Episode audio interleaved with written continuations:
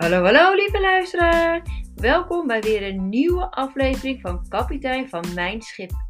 De podcast waarin ik heel graag inspiratie en tips met je deel over hoe jij voor, tijdens en na je scheiding met je emoties leert omgaan. Hoe aan de relatie met je kinderen te werken en te begeleiden tijdens deze fase van jullie leven. En hoe jij weer stapt in jouw mooiste toekomst. Ik heb er weer super veel zin in. Let's go! Welkom terug bij een nieuwe aflevering van Kapitein van Mijn Schip. Vandaag wil ik het hebben over hoe kan jij communiceren met je kindje als het heel erg boos is. Wat kan jij het beste doen als ouder?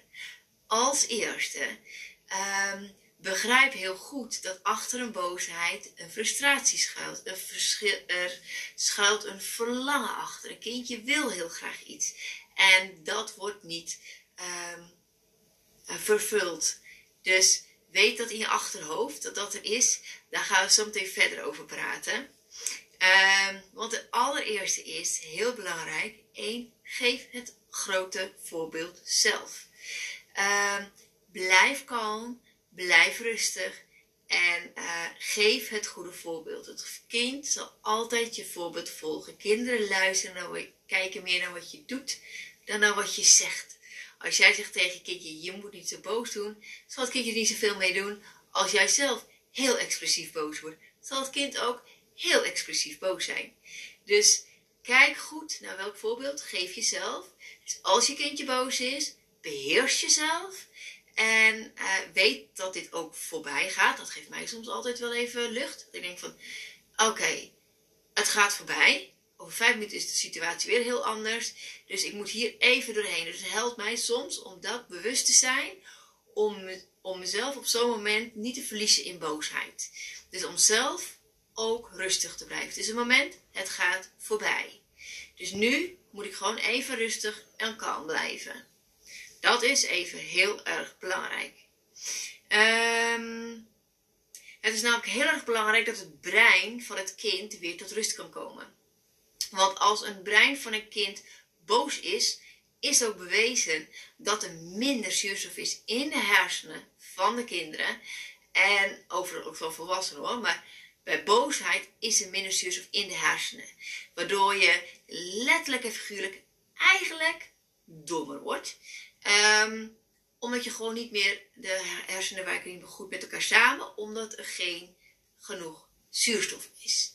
Dus het is belangrijk om te, uh, te zorgen dat je kindje weer rustig wordt, zodat je daarna weer rustig met elkaar kunt praten.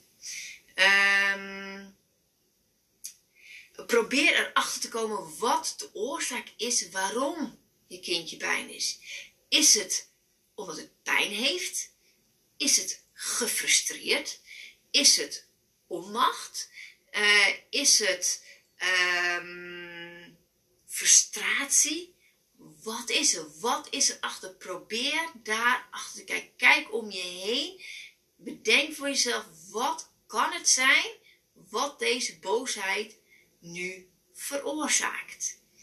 Um, wat is namelijk belangrijk om daarachter te komen, is omdat uh, het belangrijk is om je kindje te helpen leren en deze emotie te erkennen en te accepteren. Maar daarom moet je het eerst zelf leren, leren zien, zodat je het kunt benoemen richting je kind.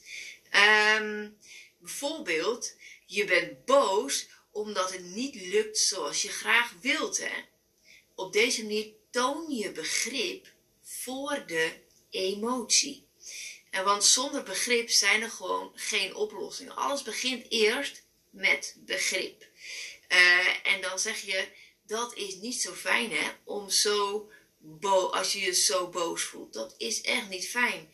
Dan weet een kindje, dan is het benoemd. Hè? Je voelt je boos. En het is ook, um, er is ook begrip voor. Het is niet zo fijn om je zo te voelen. Dan weet een kindje dat ook. Dan wordt het herkend, erkend. En um, ja, dat is, dat is fijn voor je kindje. Op deze manier voelt een kindje zich gehoord en gezien. Um, om te voorkomen dat boosheid uit de hand loopt, is het ook heel erg belangrijk om rustig met je kindje te praten. Wat zachter met je kindje te praten. En op ooghoogte met je kindje te praten. Dat zijn allemaal dingen die ervoor zorgen dat je kind, kindje uh, de boosheid gaat zakken. En um, leg de dingen ook uit. Kinderen begrijpen veel meer dan het wij soms als volwassenen willen denken. Um, wanneer je het niet kunt oplossen, dan uh, benoem je zijn behoefte die achter de boosheid zit. Bijvoorbeeld, uh, ik zie dat je heel boos wordt, omdat je nu niet weg wilt. Je mag je gerust heel boos voelen, en toch gaan we nu je jas aandoen. Dus dan mag je echt wel je grens gaan geven. En als het nou echt niet lukt, en als je echt denkt van nou, ik kom er echt niet uit met mijn kind nu, uh, wat heel goed werkt bij een terugkerende emotie, denk van dit is te veel, afleiding. Hé, hey, heb je gezien dat? Heb je dat gezien dat? Oh, heb je dat wel gehoord? Oh, je eens kijken wat er op televisie is. Of je kijkt, wie komt daar nou net aangelopen? Kijk eens wie daar voorbij loopt. Oh, kijk eens.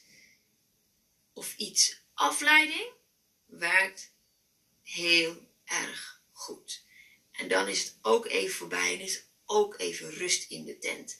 En dat kan heel erg bevrijdend werken op zo'n moment. Dus kijk voor jezelf wat werkt. Kijk voor jezelf waar je nog aan kan werken. Ik weet dat ik het kan. Ik wens je heel veel succes. En ik spreek je volgende keer. Doei doei!